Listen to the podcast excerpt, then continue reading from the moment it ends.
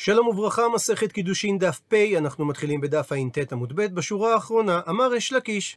הפכנו דף, לא שנו את הדין שאמרה הגמרא, שסומכים על כך שילדים קטנים שכרוכים אחרי אישה, הם בחזקת בניה, אלא לעניין בקודשי הגבול, שאם האבא הוא כהן, אז משהביא ראיה על אישה זו שהיא כשרה לכהונה, סומכים על הבנים הכרוכים אחריה לומר בניה הם ואינם חללים, וגם הם יכולים לאכול בקודשי הגבול.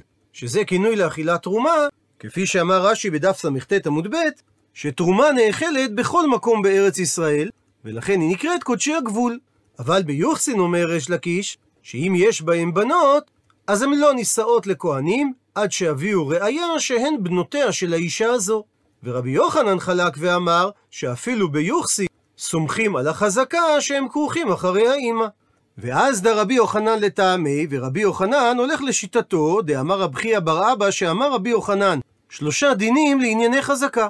הדין הראשון, מלקים על החזקות, הדין השני, סוקלים ושורפים על החזקות, הדין השלישי, ואין שורפים תרומה על החזקות. הוא מבאר את הגמרא כל אחד מהדינים.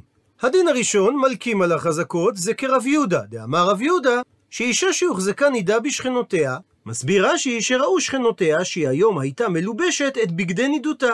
אז אפילו שאין עדות ברורה בדבר, בעלה לוקה עליה משום נידה, אם יתרו בו על כך. הדין השני, סוקלים ושורפים על החזקות, וזה כדרבא בר אבונה. דאמר רבא בר אבונה, איש ואישה, תינוק ותינוקת, שהגדילו בתוך הבית, מסביר רש"י, שהם חיו בחזקת שהיא אשתו ואלו בניהם, ואין אנו מכירים בהם בעדות גמורה שאכן כך הדבר. אם בא הבן על האישה, הרי הם נסכלים זה על זה, ואם בא האיש על הבת, הדין שלהם ונשרפים זה על זה. ואם לעניין דיני נפשות, הם נענשים בסקילה ובשרפה זה על זה, על בסיס החזקה שהם בני משפחה, אז כל שכן ליוחסין, שנסמוך על החזקה להכשר כהונה. ובהקשר לכך, אמר רבי שמעון בן פזי, שאמר רבי יהושע בן לוי משום בר קפרא, כך היה מעשה באישה שבת לירושלים, ותינוק מורכב לה על כתפה, והיא גדילתו, והיא גידלה אותו בחזקת שהוא בנה, ובא הבן עליה והביאום לבית דין וסקלום.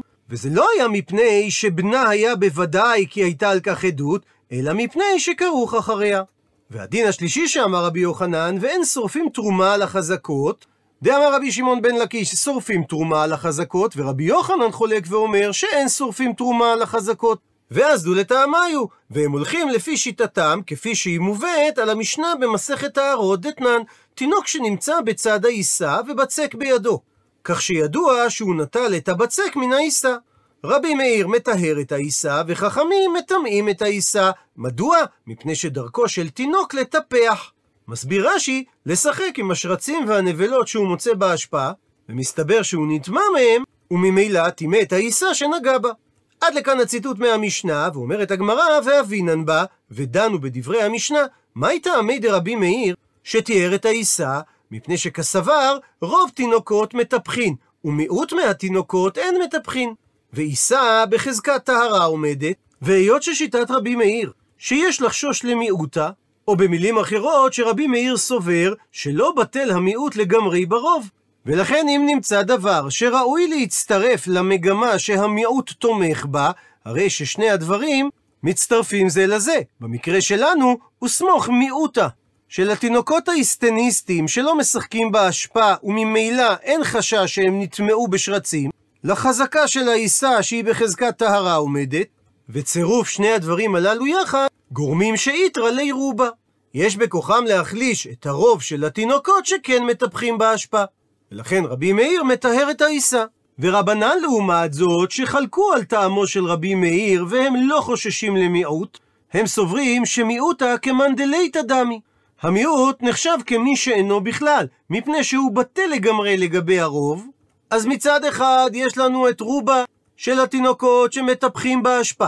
ומצד שני יש לנו וחזקה שהעיסה בחזקת טהרה עומדת, שהדין במקרה כזה שרובה עדיף. ולכן חכמים מטמאים את העיסה. ונחלקו ריש לקיש ורבי יוחנן בהסבר דברי חכמים. אמר ריש לקיש משום רבי הושעיה, שמה שאמרו חכמים מטמאים, הכוונה ששורפים את העיסה במידה והיא תרומה, וזוהי חזקה ששורפים עליה את התרומה. שלמרות שאין לנו עדים שהתינוק שנגע בעיסת התרומה אכן נטמע, היות שיש חזקת תינוקות שמחזיקים לטפח באשפה, זה מגדיר את העיסה כטמאה בוודאי, ולכן שורפים עליה את התרומה.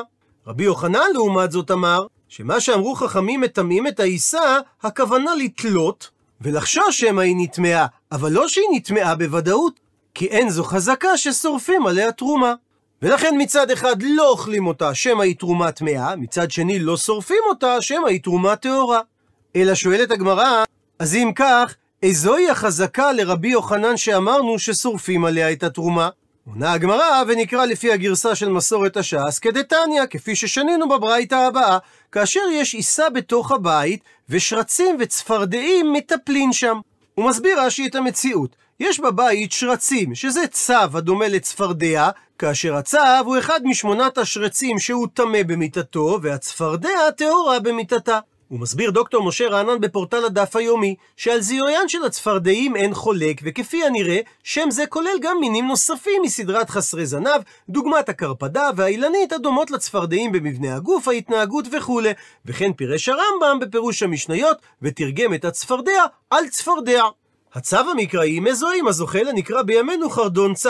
הזיהוי מתבסס על הזיהוי במספר שפות, בערבית, בסורית, בארמית, וכן בתרגום השומרוני, וגם הרס"ג זיהה את הצו שבתורה עם צ'אב הערבי שפירושו לטאה. בסוגריים נאמר שבימינו השם צו הוא שמו של צו השריון, אבל שם זה מבוסס על אטימולוגיה מוטעית של השם צו, מתוך השוואה אל עגלות צו, שעל פי המפרשים היו עגלות מחופות. והיות שניתן לטעות בין איברים מסוימים של הצפרדע ושל החרדון צו, אז כאשר האיברים של השרצים היו נופלים בבית, ונמצאו חתיכות בעיסה, ואין ידוע אם זה חתיכות של השרצים או של הצפרדעים, אז אם רוב הבית מוחזק להיות שרצים שם יותר מצפרדעים, אז העיסה טמאה. אבל אם רוב הבית מוחזק שיש שם צפרדעים יותר מאשר צבים, הרי העיסה טהורה. ועל חזקה כזו שיש רוב שרצים בבית יותר מאשר צפרדעים, מודה רבי יוחנן, שאם העיסה הייתה של תרומה, שורפים אותה. הוא מסביר רש"י שבמקרה של העיסה עם רגלי השרצים, מדובר על חזקה שמתבססת על רובה דאיתא קמן. דהיינו, יש לנו מציאות מסופקת, והדבר שגורם את הספק, כלומר הרוב והמיעוט, נמצאים לפנינו. ובחזקה שמבוססת על רוב שנמצא לפנינו, מודה רבי יוחנן שהיא נחשבת לחזקה די ודאית, ששורפים תרומה בגללה. לעומת זאת, במקרה של התינוק שלקח מהעיסה, זה נחשב רובה דלייטי קמן. רוב שלא נמצא לפנינו, אלא הוא מסתמך על המציאות או על ההרגל בעולם, מה שמכונה סטטיסטיקה. כך שזה לא מעיד על התינוק שנמצא בפנינו. וחזקה שמבוססת על רוב כזה, לשיטת רבי יוחנן, לא נחשבת כחזקה ודאית די הצורך, שנשרוף את התרומה בגללה. ומביאה הגמרא סייעתא להסברו של רבי יוחנן, שמה שאמרו חכמים מטמאים את העיסה, הכוונה שתולים אותה, ומתייחסים אליה כספק טומאה. תניא כבתי, כי יש ברייתא כשיטתו דרבי יוחנן, שיש כלל שאומר שדבר שיש בו דעת להישאל, אז ברשות היחיד ספקו טמא. והדבר נלמד מסוטה שיש בה דעת להישאל, ויש ספק האם היא נטמעה ברשות היחיד. והתורה אמרה שהיא אסורה על בעלה. לעומת זאת, בדבר שאין בו דעת להישאל, יש כלל שאומר שאפילו ברשות היחיד ספקו טהור. ואומרת הברייתא ששני דברים אין בהם דעת להישאל, ובכל זאת ועשאום חכמים כמה שיש בהם דעת להישאל. ושני הדברים הם תינוק ועוד אחרת. עד לכאן לשון הברייתא ומבארת הגמרא. תינוק הדאמרן. זה המקרה שאמרנו שנמצא תינוק בצד העיסה, ואין בו דעת להישאל האם הוא טיפח בהשפעה ונטמע על ידי מגע של שרץ, ואומרת הברייתא שחכמים טימאו את העיסה מספק, וזה תואם לדעתו של רבי יוחנן, שהסביר שמה שאמרו חכמים מטמאים הכוונה לתלות. ושואלת הגמרא, ועוד אחרת, מהי? מהו הדבר השני שעשו אותו חכמים כמו שיש בו דעת להישאל? מבארת הגמרא שהכוונה לברייתא הבאה, כאשר יש עיסה בתוך הבית, ותרנגלים ומשקים טמאים שם בבית, ונמצאו, הפכנו דף, ניכורים ניכורים בעיסה. אז אם מדובר על עיסה של תרומה, החיישינן שמא שתו התרנגולים מהמשקים הטמאים, ובעוד המשקה תופח בחרטומיהם הם ניכרו בעיסה. והדין במקרה כזה אומרת הברייתא שתולין, דהיינו העיסה היא ספק טמאה. מצד אחד לא אוכלים אותה שמא היא טמאה, מצד שני ולא שורפים אותה שמא היא טהורה. ומזה שאמרה הברייתא הראשונה, ששני דברים הללו עשאום כמי שיש בו דעת להישאל, ושנינו באחד מהדברים, שזה העיסה שנקראו התרנגולים, שהדין שתולים, ומתייחסים אל העיסה שנמצאת ברשות היחיד כספק טמאה, אז מכלל שגם במקרה של התינוק שנגע בעיסה, תולין. וזה תומך בהסברו של רבי יוחנן, שמה שאמרו חכמים מטמאים, הכוונה שתולים. ועל דברי הברייתא האחרונה שהבאנו, אמר רבי יהושע בן לוי, לא שנו שיש חשש שמא התרנגולים ניקרו את העיסה, אלא במשקים לבנים, שהם לא ניכרים על העיסה, אבל אם מדובר במשקים אדומים, הרי אם איתא דנקיר מידא ידיע. אם התרנגולים היו מנקרים את העיסה, הדבר היה ניכר, וממילא היה ידוע שנגעו המשקים בעיסה. ואם אין סימנים על העיסה, אז בהכרח שהמשקים לא נגעו בה. מקשה הגמרא על דברי רבי יהושע בן לוי, ודילמה בלעתינו עיסה. ואולי למרות שהיו לתרנגולים משקים אדומים בפיהם כאשר הם ניקרו את העיסה, אין הדבר ניכר על גבי העיסה, כי הם נבלעו בעיסה. ובעקבות קושייה זו, אמר רבי יוחנן, שאת הדבר הזה, שהברייתא לא דיברה אלא במשקים לבנים, שמע בריבי, שזה כינוי לגדול הדור, דהיינו רבי יהושע בן לוי, מרבו. אבל הוא פירושו, דהיינו המשך דברי רבי יהושע בן לוי, שבמשקים אדומים אין העיסה טמאה, אלא אם כן זה ניכר על גביה, את זה רבי יהושע בן לוי לא שמע מרבו. וטוען רבי יוחנן, שגם במשקים אדומים היה צריך רבי יהושע בן לוי לפרש ולחלק, בדיוק כמו במשקים לבנים, שלא שנו אלא במשקים שהם צלולים עד כדי כך שבבואה של תינוק, דהיינו דמות קלסתר פניו של התינוק, ניכר בה, שהם נוחים להיבלע בעיסה, ולכן גם אם הם לא ניכרים על גבי העיסה, חוששים שמא העיסה נטמעה. אבל כאשר המשקים, בין אם הם לבנים, בין אם הם אדומים, הם עכורים, וממילא הם לא נוחים להיבלע בעיסה, אז אם הם לא ניכרים על גבי העיסה, אין סיבה לחשוש שהעיסה נטמעה. ואומרת המשנה, לא יתייחד אדם עם שתי נשים, מסביר רש"י, מפני שדעתן של הנשים קלה, ושתיהן נוחות להתפתות, ולא תירא זו מחברתה, שאף היא תעשה כמותה. אבל אישה אחת מתייחדת עם שני אנשים, מפני שהאחד בוש מחברו, ולכן אין חשש שיחטאו. רבי שמעון אומר, ייתכן מציאות שאף איש אחד מתייחד עם שתי נשים. מתי? בזמן שאשתו עמו. ובמצב כזה, וישן עמהם בפונדקים, מפני שאשתו משמרתו. וממשיכה המשנה ואומרת, מתייחד אדם עם אמו ועם ביתו, וישן עמהם, דהיינו הבן עם אמו, בעודו קטן, בקירוב בשר. ואם הגדילו, זו ישנה בכסותה, וזה ישן בכסותו. ועל ידי שלכל אחד יש פיג'מה, אז לא נוצר קירוב בשר. וכן הדין לגבי הבת עם אביה, שבעודה קטנה. היא יכולה לישון עמו בקירוב בשר, וכאשר הגדילו, זו ישנה בכסותה, וזה ישן בכסותו. ובסוגריים נאמר את הדבר הברור מאליו, שהמשנה מדברת על העולם הישן. ואם ידוע לכם היום על אדם או אישה שישנים בקירוב בשר עם ילדיהם, חובה להודיע על כך מיד למשטרה. ושואלת הגמרא, מה הייתה מה שיש אפליה מגדרית בדיני איחוד? שאמרה המשנה שלא יתייחד אדם עם שתי נשים, אבל אישה כן יכולה להתייחד עם שני אנשים. עונה על כך הגמרא על פי תנא, הברייתא שנשנתה דבי בבית המדרש על ידי אליהו הנביא, הואיל ונשים דעתן קלות עליהם. ולכן קיים החשש ששתי הנשים נוחות יהיו להתפתות. ונרחיב בביאור המשפט נשים דעתן קלה. בשתי מקומות נאמר המשפט הזה. המקום הראשון במסכת שבת דף ל"ג, שם מסופר שהלכו רשב"י ובנו והתחבאו בבית המדרש מפני הרומאים, וכל יום הייתה מביאה להם אשתו של רשב"י כיכר לחם וקנקן מים ואכלו, הרי שהיא סיכנה את עצמה. ואמר לו רשב"י לבנו, נשים דעתן קלה עליהם, יצערוה ותגלה להם. זאת אומרת שרשב"י חשש שעל ידי עינויים וייסורים עלולה האישה להישבר ולגלות את מקום מחבוא כמוהם. אותה לשון מוזכרת בשנית בסוגיה שלנו ביחס לדיני ייחוד, שגבר אינו יכול להתייחד עם שתי נשים, ואילו אישה יכולה להתייחד עם שני גברים. והנימוק לכך, שנשים נוטות יותר להתפתות לעבירה, ודעתן קלה, על כן לא מספיקות שתי נשים. זאת אומרת שהמשפט הזה לא בא לשלול את היכולת האינטלקטואלית של האישה, אלא הוא בא להעיר שבמקרה לחץ, אם זה באלימות או בזנות, יהיה קשה לנשים לעמוד בלחצים. וכמובן שלכל משפט יש גם יוצאים ויוצאות מן הכלל. בנוסף, ייתכן וצריך להבין את המשפט הנ"ל גם על בסיס מצב יחסי המרות שהיו מצויים בעולם העתיק, ולא פחות גם בימינו, מצב בו לגברים במערכת יחסים יש יותר שליטה והשפעה על הנשים מאשר להפך. וממשיכה הגמרא ושואלת, מנענה מילי, מה המקור לאיסור ייחוד עם עריות? עונה על כך, אמר רבי יוחנן משום רבי ישמעאל, רמז לייחוד מן התורה מנין שנאמר, נקרא בפנים, כי יסיתך אחיך בן אמך או בנך או בתך או אשת חיקך או רעך אשר כנפשך וסתר לאמור, נלכה ונעבדה אלוהים אחרים אשר לא ידעת אתה ואבותיך. ועל לשון הפסוק, אחיך בן אמך, שואלת הברייתא, וכי בן אם מסית ובן אב אינו מסית? אלא הסיבה שנקט הפסוק לשון של בן אמך, לומר לך שבן מתייחד עם אמו, ואסור להתייחד עם כל עריות שבתורה. ושואלת הגמרא, זה דרש הפסוק, פשטי דקרא במאי כתיב. לעניין פשוטו של מקרא שמדבר בהסתה לעבוד עבודה זרה, מדוע נקט הפסוק דווקא בן אמך? עונה על כך אמר אביי, לא מבעיה כאמר. הפסוק נאמר באופן כזה שאת הדבר הפשוט לא צריך לומר. דהיינו, לא מבעיה, לא צריך לומר שאדם לא ישמע להסתת עבודה זרה מבן אב, מפני דסני ליה ואייץ ליה עצות רעות, שהרי הוא יודע שאחיו מהאב שונא אותו, שהרי הוא ממעט את חלק ירושתו, ולכן ודאי שהוא חושד שהעצות שהוא נותן לו הן עצות רעות.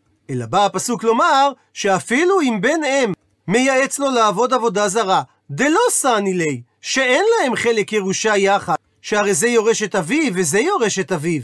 אז אימה צייתי ליה, תאמר שמסתבר לשמוע לעצתו, כי כנראה מדובר על עצה טובה, כמה השמלן בא הפסוק להשמיע לנו שאסור לשמוע לעצתו. ושואלת הגמרא, נעימה אולי נאמר מתניתין שמשנתנו דלא כאבא שאול דתניא, ששנינו בברייתא במסכת מועד קטן, כל שלושים יום, חס ושלום, ולד שמת בתוך שלושים יום, אז אין צריך לכבדו במותו ולהוציאו לקבורה לא במיטה ולא בכליבה, אלא הוא יוצא בחק, כלומר נושאים אותו בידיים, ונקבר באישה אחת ושני אנשים. ואין צריכים רבים ללוותו, אלא שלושה בלבד, אבל הרכב השלושה, ונקבר באישה אחת ושני אנשים, אבל לא באיש אחד ושתי נשים. הוא מסביר רש"י שהחשש הוא משום ייחוד, מפני שלא היו בתי הקברות סמוכים לעיר. אבא שאול חולק ואומר, שהרכב השלושה אנשים יכול אף להיות באיש אחד ושתי נשים. עד לכאן דברי הברייתא, ולכאורה משמע שאבא שאול חולק על משנתנו, כי הוא סובר שאין איסור ייחוד באיש אחד ושתי נשים.